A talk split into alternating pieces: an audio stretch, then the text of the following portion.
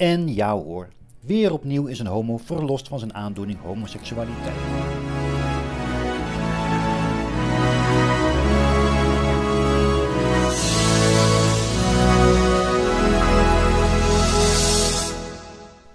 EO blij, God blij en de homo, herstel hetero, of nou ja, jongeman, ook buiten zinnen van vreugde. Nooit meer zal hij zich toegeven aan al dat gepijp en gelik aan harige mannenkonten en andere orale en anale wantoestanden, gadverdamme! Vrijdagavond zat hij in het tv-programma Jinek, waar hij zijn aangrijpende getuigenis vertelde. Hij vertelde over de paar jaar dat hij zich als homo helemaal uitleefde. Ik was daarin heel extreem, zei hij. In de weekenden ging hij naar de meest ordinaire gayclubs en hij had het ene vriendje na het andere. Ik gebruikte harddrugs en deed alles wat God verboden had. Hij begon zelfs pornofilmpjes te kijken, te maken en op internet te plaatsen. Nou ja. Toen kwam het moment dat God ingreep in zijn leven. Tony vertelt, want hij heet Tony.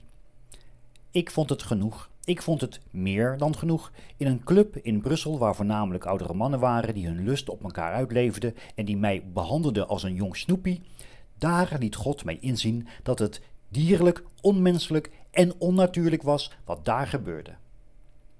Nog nooit had ik zo'n ordinair en banaal feest meegemaakt. Ik werd duizelig, ik kreeg geen lucht meer, ik moest naar buiten, ik was angstig en ik kon gewoon niet meer naar binnen. Die zondag zat ik weer bij mijn ouders in de kerk. Voor Jinek leek het wel een droomwereld, een keet vol hitsige mannen. Och, kind, dat wil je niet willen hoor, toeterde hij afkeurend zwaaiend met zo'n Beyoncé-handje. Het was echt vreselijk. Toen vroeg Eva op haar meest menselijke toon: Maar, Tony, was je gelukkig? Tony antwoordde: Ja, ik dacht toen van wel, maar ik was toen ook in die tijd heel erg egoïstisch. Maar de homo, herstel hetero, of nou ja, jongeman, voegde er wel aan toe, en dat vond ik ook wel weer fijn om te horen als homofiele tv-kijker, dat wat hij deed nou niet per definitie illustratief was voor de gehele gaywereld. Er zitten namelijk ook heel gewone bij. Nou, hè, gelukkig. Op de vraag van Jinnek of het niet gewoon zijn eigen gedachte was die daar tot inzicht kwam in Brussel, kwam een hoop geblaad. Nee hoor, dit was echt heel anders. Dit was groter dan mezelf. Dit was buiten mezelf. Dit was, dit moet God zijn geweest. Tony groeide op in een christelijk gezin en zat op een reformatorische school. Dus zo heel verwonderlijk is dat nieuwe inzicht natuurlijk helemaal niet.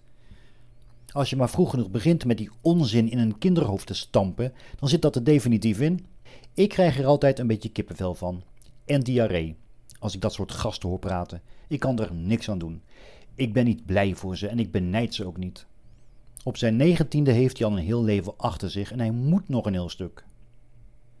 Het meest misselijkmakende is eigenlijk ook, vind ik, dat de EO en al die andere levensgevaarlijke godsvanate clubjes dit aangrijpen om aan te tonen dat die echt bestaat.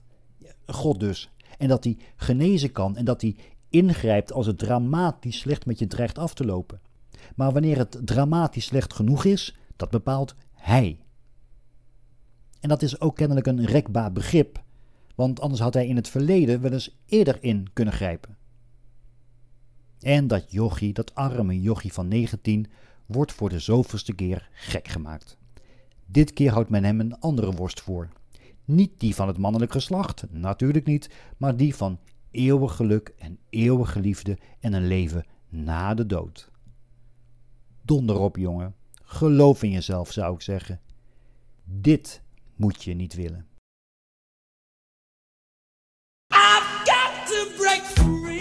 Vond je dit leuk?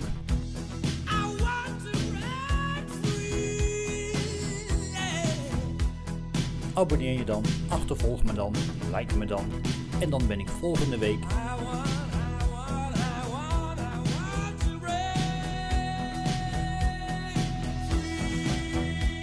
weer automatisch van de partij.